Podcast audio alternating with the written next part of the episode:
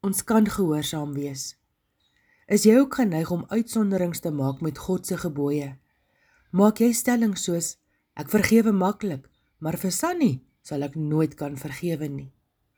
Of ek is 'n baie geduldige mens, maar nie met my kinders nie. Hulle moet nie met my karring nie. Uit 'n menslike oogpunt is dit moeilik om te verstaan.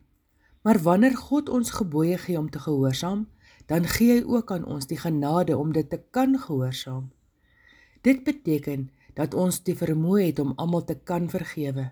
Ons kan moeilike mense lief hê en ons kan altyd dankbaar wees en ons kan tevrede wees in alle omstandighede.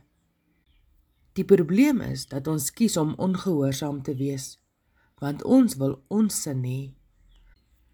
As daar vandag vir jou 'n moeilike situasie voorlê, vra God om jou krag en jou helper te wees.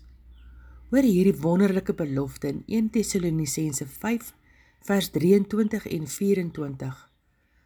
Mag die God van vrede julle volkome aan hom toewy.